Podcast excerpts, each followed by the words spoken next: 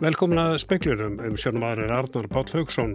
Lauruglaði í Katalóni tók harta hópi aðskilnaða sinna sem reynda að trubla flugumferða á flugvellunum við Barcelona til að mótmala því að hæstiréttur spánar dæmdi morgunu nýju leitu á þeirra í nýju til 13 ára fangilsi.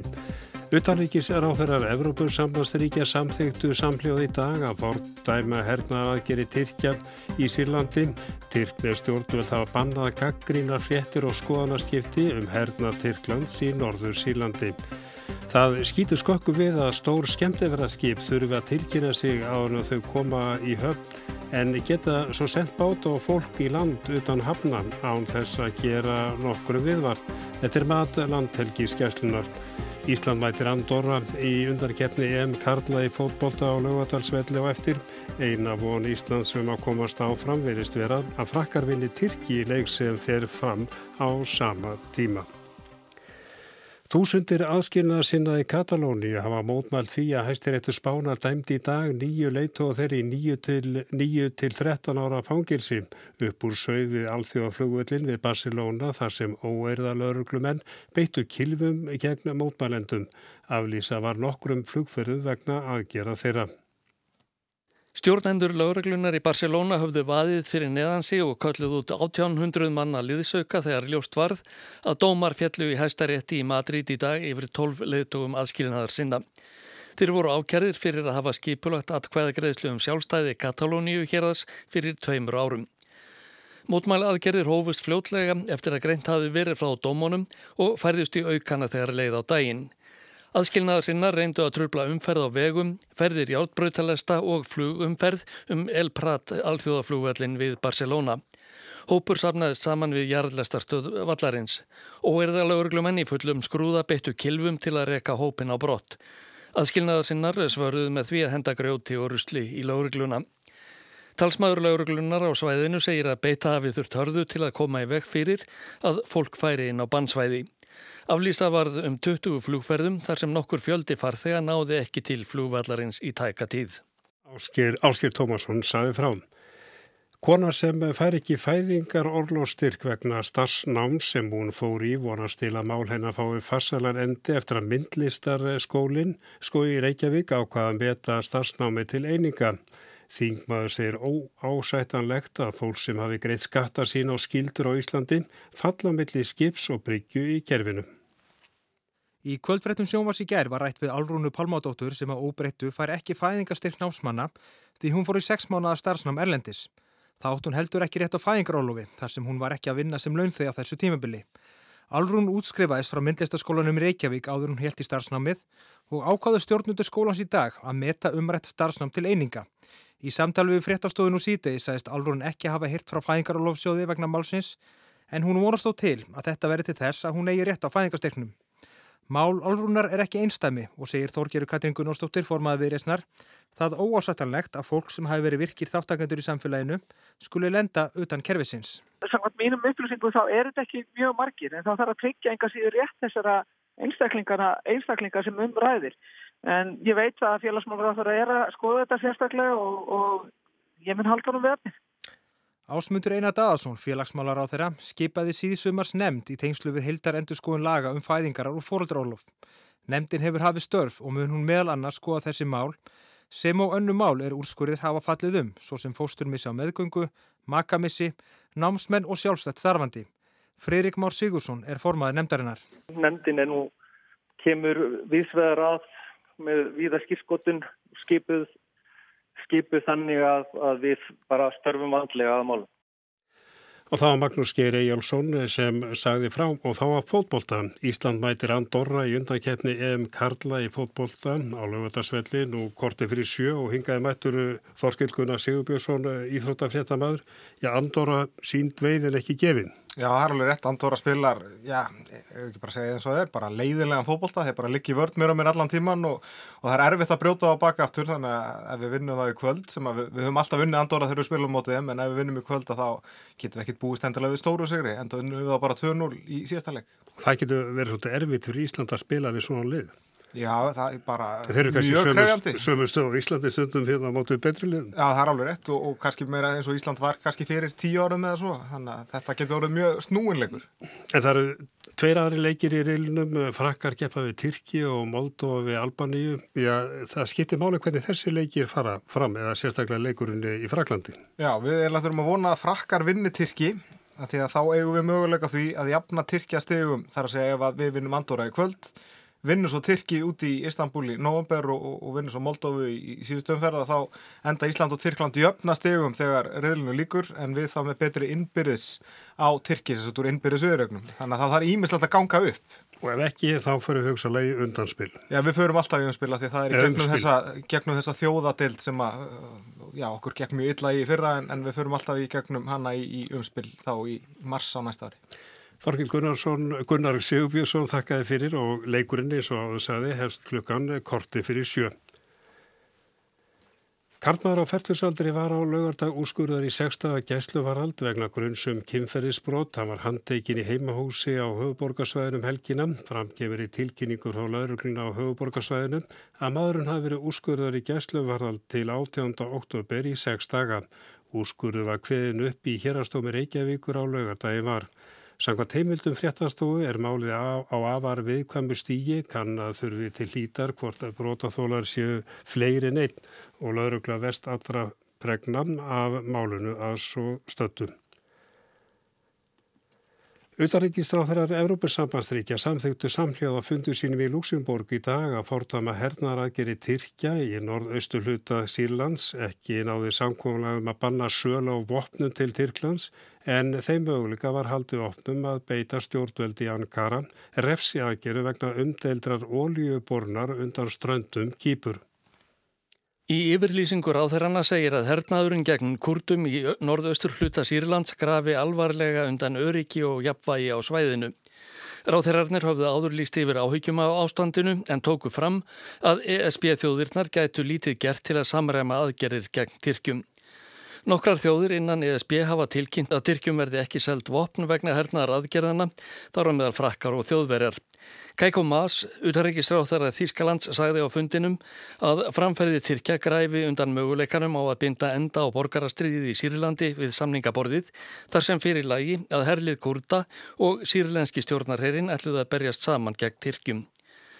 Ríki Evrópusambandsins seldu Tyrkjum vopn og skotfæri fyrir 50 miljónir dollara í fyrra samkvæmt upplýsingum Hagstofu ESB, aðalega Ítalir, Spánverjar, Brettar og Þjóðverjar. Upplýsingar um sölu á herrflugilum til Tyrklands liggja ekki fyrir. Áskýr Tómasson saði frá. Og Tyrknesk stjórnvöld hafa bannað gaggrína fréttir og skoðanaskiptu um herna Tyrkja í Norður Sýlandi. Hver sá sem brítur gegn banninu verður sóttur til saga og grundvelli hriðiverkalaga og tveir bladamenn hafa verið handtekni fyrir brot gegn banninu. Og þá yfir í aðra salma, Alþjóðsamband Íslands og BSRB hafa ákveð að koma fót rannsóknarstofnun í vinnumarkastfræðum. Þetta var formlega tilkynnt í dag og markmið er afla eða ebla rannsóknir á sviði vinnumarkaðar, félagsmála og efnaðarsmála. Og hinga til minn eru komnar það eru Drífa Snædal, fósitaði sí og Sonja Ír Þorbergsdóttir, formadur BSRB. Verið velkomnar. Takk. Í tilkynningunni frá ykkur kemur fram að þetta sé ánægilegt að stíga þetta stóra skref og þá er spurt, já, er þetta stórt skref og já, hversun er þetta stórt skref? Þetta er stór skrefa því að þarna erum við að leggja grunninn að vonandi því sem á eftir að eflast og dapna og vaksa uh, næstu árin og vonandi ára tíuna. Um, sjálfstæð rannsóknarstofnun sem hefur það skilgreindan hlutverk að afla þekkingar og miðlaðinni í þáu launafólks til að gera vanda til ákvarðana sem snerta launafólk uh, og búa til betri undilag fyrir okkar baráttu, má segja, til að auka hérna, velsælt í landinu og, og velsælt almennings. Hvaða kröfur svona að vera að gerða til þessara rannsóknarstofnar að hún getur ekki bara að rannsaka eitthvað í þáu ykkar, hún þarf að rannsaka eins og hverju aðrir, uh, já, vísindamenn eða fræðiminn? Svona stopnarnir eiga sér fyrirmyndir vísvegar á Norðurlöndunum og eru þá í eigu sístur samtaka okkar þar og þó að þetta séu sjálfstæða stofnanir rétt eins og þessi stofnun verður og þá er hins vegar eigendur hennar samtöku launafólk sem er í þessu tilviki ASI og BSB en í stjórninu verður líka fulltrúi frá fræðarsamfélaginu því að það er mitt líka með markmið með henni er að búa til brú þar á milli. Við vitum að hér á landi að þá það er ekki nægilega mikið að vinnumarkarsansóknum, það er verulega skortur þar á og það er alveg sama hvort það er litið til ofinbæra stopnana eða hvers annars. Þannig að það er virkilega tækifæri til þess að bæta úr því og þetta er okkar leiður í þá baráttu. En það er auðvitað hugsunin að, að nýta sig að neðustöður ansvörnum til þess að undirbyggja þá og krefjast betri stefnumótunar þannig að það sé vera að stuðla til dæmis að jöfnuði og þá sé vera að beina stuðningi það sem hans er mest þarf á og er sjálfsögur verða þannig að, að það verður vanda til allara rannsóknar en við veitum það hins vegar líka að það er bara há pólitist mál hvað er valið að rannsaka. Eru við að velja að rannsaka fjármálakerfið eða eru við að velja að rannsaka jöfnuð og mismunandi æfiskeið og uppruna fólks og stöðu þess í samfélaginu og svo framvegis og vinnumarkaðnum. Þannig að það er nú kannski þessar ákvarðanir um hvað þarf að beina sjónum að sem er fyrst og fremst tíðandi. En eh, einmitt þetta að aðeins meira má verið sjálfstæð að uh, þessar stofnanir, uh, sístur stofnanir sem eru til á Norrlöndunum, eru þær ekki algjörlega sjálfstæðar eða þurfa ekki að uppfylla ákveðna staðla gagvart fræðimanna samfélaginu? Uh, þær gera það vissulega og hérna en eins og ég sagði á hann það skiptir alltaf máli hvaði verið að rannsóka og fyrir hvaða hópa á hvaða sviði þarf að dýfka skilning um, en þessar rannsóknarstofnanir á Norðurlandunum hafa sínt sig veita óskaplega dýrmæta þekkingu. Uh, og við höfum nú stundum vaðið svolítið áfram hérna á Íslandi að breyta heilu kerfunum án þess að undirbyggja það hérna nógu vel En þarna höfum við einhvern veginn tækifæri til þess að, að hérna, beina sjónum að því sem okkur langar að beina sjónum á og síðan alltaf ferð það eftir því hvernig samstarf skapast, hvaða fjármögnum fæst í ákveði verkefni og svo framvegis hvað verður framkvæmt. Það er náttúrulega dæmi um það að fyrirtækju og jafnvel stopnarnir sé að styrkja ákveðin verkefni því þá eru aðeila sammálum að þeir ansaka eitthvað tiltekki efni En, en það sem rannsóknarstofnunum mun gera er auðvitað líka ákveði bara framhald af þeirri vinnu sem okkar fólk hefur verið að vinna, hagfræðingur og lögfræðingar, rannsóknar á því sviði, en því miður að þá er það eins og oft vil vera að það gefst ekki næguleg tími til þess, þannig að til þess að dýfka og, og fjölga rannsóknunum, að þá teljum við mjög mikilvægt að taka þetta skref, en líka við sem að vinna þessu sammeila, en eins og ég nefndi á þann með þessa brú yfir í fræðasamfélagið. Nú er árið 2019, bráðum 20 Já, hvað er svona fatt upp á þessu núna?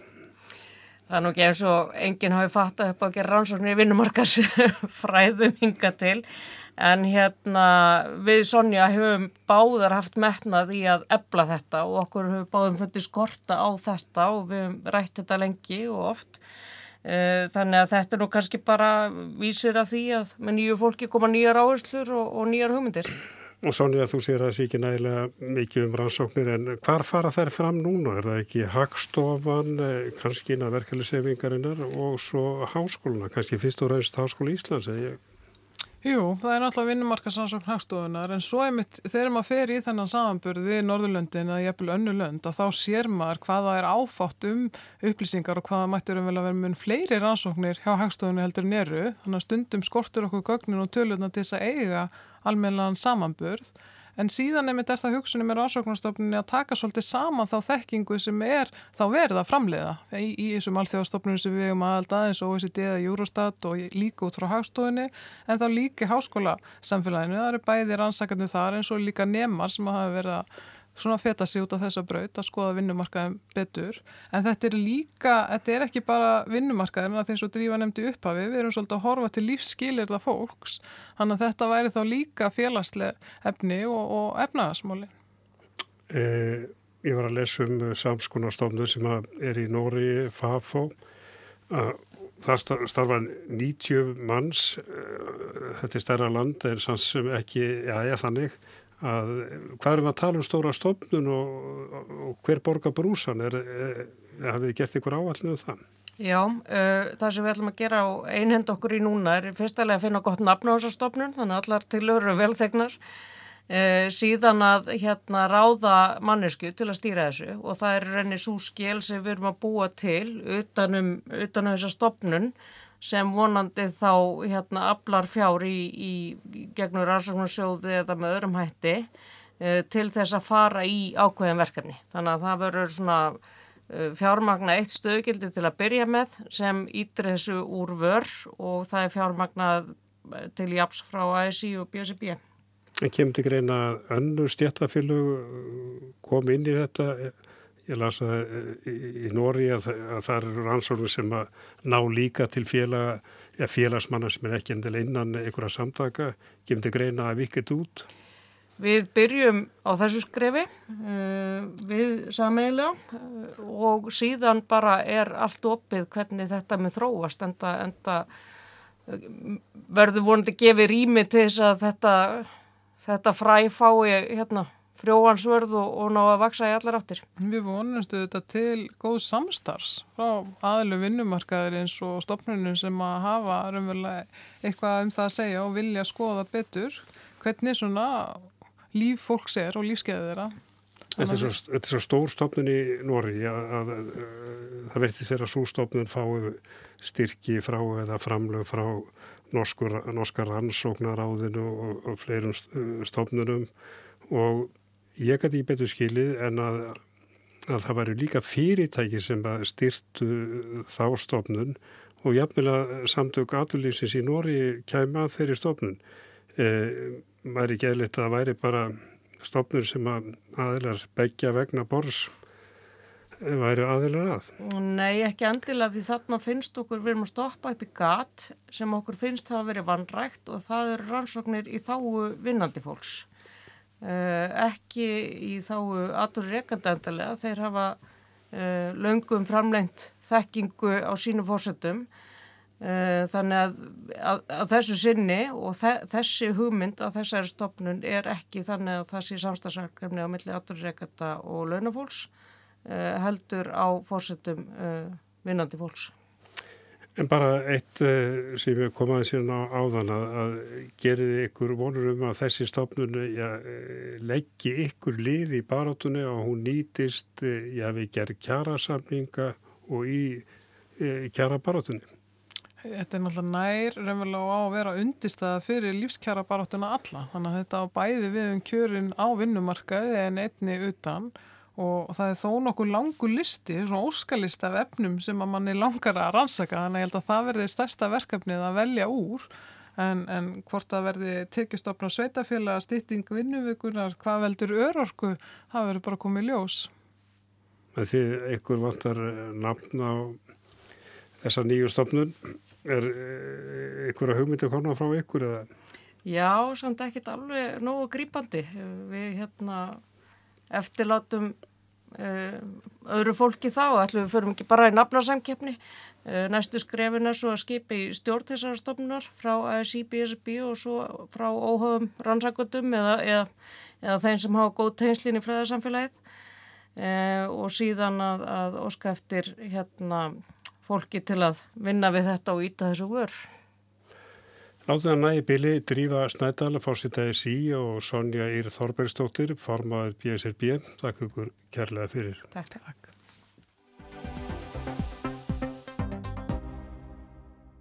Leave no lasting signs of your visit. You must of course not leave anything, including any litter behind.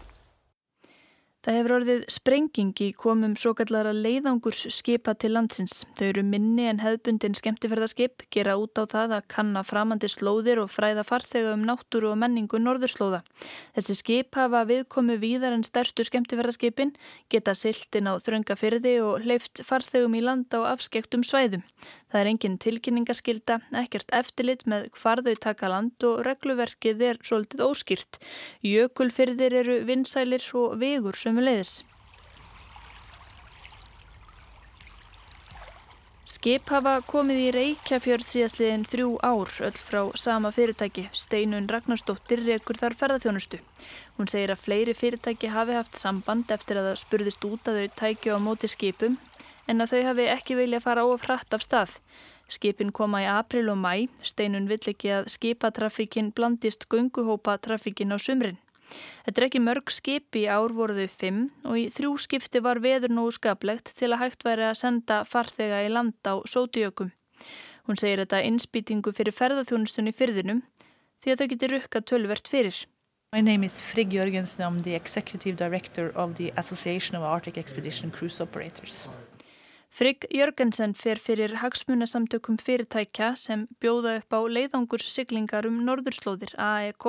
There are a growing, very growing interest for Iceland and uh, expedition cruise tourism is growing in general so there is an opportunity for Iceland to receive more of this traffic. Það er vöxtur í leiðungurs skipasiklingum og það er leitað nýjum viðkomustöðum. Frigg segir mikinn áhuga á Íslandi og við getum laðað fleiri slík skip hingað þessu tækifærum allt land. Bara ef maður skoðar auglýsingar frá, frá þessum fyrirtækjum, skemmtiskipa hérna, fyrirtækjum bara eins og öðrum að þá er þetta gert vel til út á þetta og það er svona, þú veist, last chance visit og svo leiðis er auðvitað hefur starka tengingu við, við norðurslöðunar. Þetta segir Þórni Barðadóttir sérfræðingur hjá rannsóknarmiðstöð ferðamála á Akureyri. Hér áður fyrir letu skipin næja að koma við í stærstu höfnum í Reykjavík á Akureyri og Ísafyrði. Nú hafa skemmtiferðarskip viðkomi í tæplega 20 höfnum umhverjus landið. Landhelgiskerslan heldur utanum hafnarkomur skipana. Það er öll þau skipti sem skemmtiferða eða leiðangur skip leggjast að íslenskri bryggju. Árið 2011 gerðist það 258 sunum. Í fyrra voru hafnarkomurnar orðnar rúmlega þrefalt fleiri. 824 sinnum lögðust skemmtiferðarskip að íslenskri bryggju. Pétur Ólafsson, stjórnarformaður Krús Æsland, segir þróununa hafa orðið til þess að fleiri hafnarsjóðir og sveitarfélög fái tekjur á skipunum. Leðangurskipin opna á ný tækifæri í ferðarþjónustu en regluverkið var kannski ekki tilbúið þau sigla þar í gegnum gött. Skipin komast inn á þröngafyrði, komast nær landi en stóru skemmtiferðarskipin og geta hlift farþegum í landa á litlum hraðbátum, svo gullum sótiökum. Þeir geta þá skoða svæði sem á landi eru jafnvel ekki aðgengilega öðrum en fótgangandi og það er ekkit eftirlit með því hvar skipin fari í land og regluverkið hefur verið óljóst viðmælendur speilsins talum frumskó. Þórni á rannsóknarmiðstöð ferðamála tók viðtöl við þá sem þjónusta skemmtiferðarskip hér árið 2017 og þeir viðriðu áhyggjur á stöðinni. Og þá kom í ljós bara miklar áhyggjur af þessu. Á sama tíma þau sjá kannski helstu möguleikan að tengjast þessum kom. Þetta eru viðræðanlega stærðir fyrir ferðarþjónustuna á Íslandi um, en það kemur líka fram mikil, mikil svona, já, óvisa í kringum hvað má sumt land er í engaíg og annað ekki og, hérna, og hvers er þá að setja reglunar er, er í raun og óljóst. Og svo náttúrulega almannaréttar uh, sjónum við vantilega líka. Já, já, bara í þessu eins og, eins og á viðum aðra ferðamennsku, við erum, þetta er í raunni á, á sama stað þar, eh, annað en að þetta kemur þá af, af, af sjó. Í ágústi fyrra fóru um 200 farþegar af skemmtiferðarskipinu Le Boreal í landi Fríðlandin og Hortströndum og það er rétti enda enga reglur um slikt á þeim tíma. Kristín Ósk Jónasdóttir, sérfræðingur hjá umhverjustofnun, saðist það var áhyggjur af því að svona landtökur færðust í aukana er það ekki þetta gert, að það hefði neikvæð áhrif á náttúruna að fá svona stóra hópa þarna. Í februar tók gildi ný stjórnar og verndar áallun fyrir friðlandið. Þar var brúðist við komum skemmtiferða og leðangurskipa með því að banna landtöku báta með fleiri en 50 um borð. Þá var óska eftir því að landhelgiskeslan uppfærði siglingakort þannig að skip heldu sig alltaf í meirin 115 metra fjarlæð frá sjófuglabygðum. Umhverjustofnun mælist til þess að þau haldi sig í kílometers fjarlæð. Þetta gildir um hortstrandir og unnið er að því að setja reglur um siglingar við Látrabjarg. Í sumar gafu umhverjustofnun, samgöngustofa og landhelgiskeslan svo út leiðbenningabækling fyrir stjórnendur farþegarskipa. Þar kemur meðalannast fram að landtaka sé óheimil á Surtsei, Eldei og Melrakkai og háði leiði landeiganda á skrúði. Þá eru við að takmarkanir á landtöku yfir varptíma fuggla. Frá því tilmælinn voru gefin út hefur umhverjustofnun fengið margar fyrirspurnir frá rekstraræðilum skipana um hvað megi og hvað ekki og það hefur verið fátt um svör nema svæði sé vendað eins og horfstrandir. Stofnunin getur bent á landeigandur og hvart skipin til að forðast svæði sem eru viðkvæm, það er allt og sumt. Nýlega komu fyrirspurnir um hvort sendamætti farþega út á smákafbátum og það var samasagan, enga reglur. Þetta heyrir undir nokkur ráðuneyti í júni sendi umhverjastofnun þeim bref með viðbútar tillögum og óskum að farðir því stefnumótun og setja reglur þar sem það er vantaði og ekki hefur borist svar enn. Þetta er nýr veruleiki. Lilja Ólafstóttir, lögfræðingur hjá umhverjastofnun, segir einu reglutnar sem tilir í dag að finna í náttúruvendalögum þar sem fjallaði er um almannarétt. Það kemur fram að, að eigendur lands geta takmarka förum ræktaland og þeir geta líka takmarka döl í afgistulandi en um, að öðru leiti er ekkit uh, mikið til af reglum. Eftir að skipum var bannað að fara með farþega í landa á hortströndum hafa fyrirtækin spurt um önnur svæði. Stopnunum hefur lítið geta sagt um annað en hvaða almennu reglur gilda um fugglavernd og bent á hvaðar náttúrun er viðkvæm. Það er ekki hægt að banna skipunum neitt skoða það svona áður en að einhverju aðrir ákveða það fyrir okkur uh, hvar hérna, þessi bátar eh, leggja að fyrstaklega þegar þeir eru með svona mikið af farstegum í hver skipti. Að vísu geti umhverjastofnun loka svæðum í tvær vikur telji stofnunin verulega hættu á tjóni að völdum ágangs að höfðu samráði við eigendur og hagsmunnaðila. Það að fá hundra manns í land á svæðum þar sem eru ekki innviðir getur á mati umhverjastofnunar haft neikvæð umhverjisáhrif en þetta getur líka verið öryggismál. Í sumar var skemmtiferðarskipinni á Vopnafyrði, það sendi fólk út á hraðbátum til að skoða fuggla en svo skall á þoka og til að móðurskipið sægi bátana kveiktu stýrimenn þeirra á sendum. Hefði þeir ekki gert það hefði landhelgiskerslan ekki vita að þarna væri fjöldi fólks siglandi á smábátum. Áskrimur L. Áskrimsson, framkvæmdastjóri aðgerðasviðs landhelgiskeslunar, segir að það væri æskilegt öryggisins vegna að skipin tilkynntu geslunu um það hegðustau siglegin og fyrði í þeim tilgangi að komast nálagt ströndinni eða senda farþega í land. Hann segir það skjóta skökku við að skip þurfi að tilkynna sig áður en þau koma höfn en geti svo sendt báta á fólki í land utan hafna án þess að gera nokkrum viðvart. Skipamiðlunin gára þjónustar farþegarskipin í öllum höfnum hér. Íris Jóhannsdóttir, verkefnastjóri hjá Gáru, segist hafa fulla yfir sín yfir það hvar þau fari í landa og sótjökunum Eftir að banni var sett á Hortströndum njóti Flati á Breiðafyrði, Vigur, Reykjafjörður, Bakkagerði Hólmavík, Arnarstapi, Rísei og Grímsei mestra vinsælda. Landelgis Geslan sem fylgist með ferðum skemmtifærðarskipa hér á land nefnir líka Jökulfyrði. Íris segir reglundar hafi verið óljósar í upphafi en að nú sé unnið að því að skerpa á leikreglunum. Farþegar fari hvergi í land nema með leifi landegenda og alltaf taki einhver á mótiðum í landi. Gára hafi fyllt reglunum eftir, skipin leggja sig fram við að fara að þeim og allar uppákomur hafi reynst á miskilningi byggðar.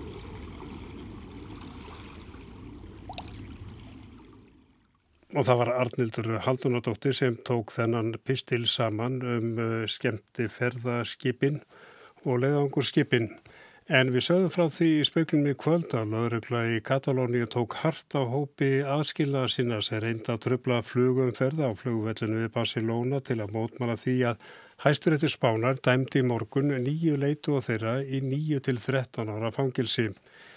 Tyrkner stjórnveld hafa bannað gaggríni, gaggrína fréttir og skoðanarskiptu með hernað Tyrklands í Norður Sílandi og utarengisráþurar Európa-sambandsríkja samþygtu samhljóði í dag að fordæma hernaðaraðgeri Tyrkja. Og það skýtur sjóku við að stór skemmti vera skip þurfi að tilkynna sig árum þau koma að höfn en geti svo sendi báta og fólk í land utan hafnan á þess að gera nokkrum viðvart. Viðvart þetta er mat eh, landhelgi skæslunar. Og við lítum aðeins til veðurs, austan 8 til 18 metrar á sekundu en 13 til 23 á morgun kvassast sunnalands. Rigning með köplum um landi sunnan og austanvert en úrkomi lítið á norður og vesturlandi. Sumstar talsverð rigning eh, söðaustan til annað kvöld og hiti 3 til 8 stig en 5 til 10 á morgun. Speiklunum fer senna að ljúka en við minnum á það og sögum frá því í fréttum áðan í speiklunum að Ísland mætir Andorra í undankjefni EM að karla í fótbolta á lögatarsfelli nú kortir fyrir sjö eftir smá tíma. Og vegna leiksins að þá falla sjóansfrettir nýður það var enda stuttur sjóanstími klukkan 6 en klukkan 10 merður vegleiri fréttatími en vennilega En það er ekki fleira í speklinum í kvöld, tæknumar var Mark Eldred, verðið sæl.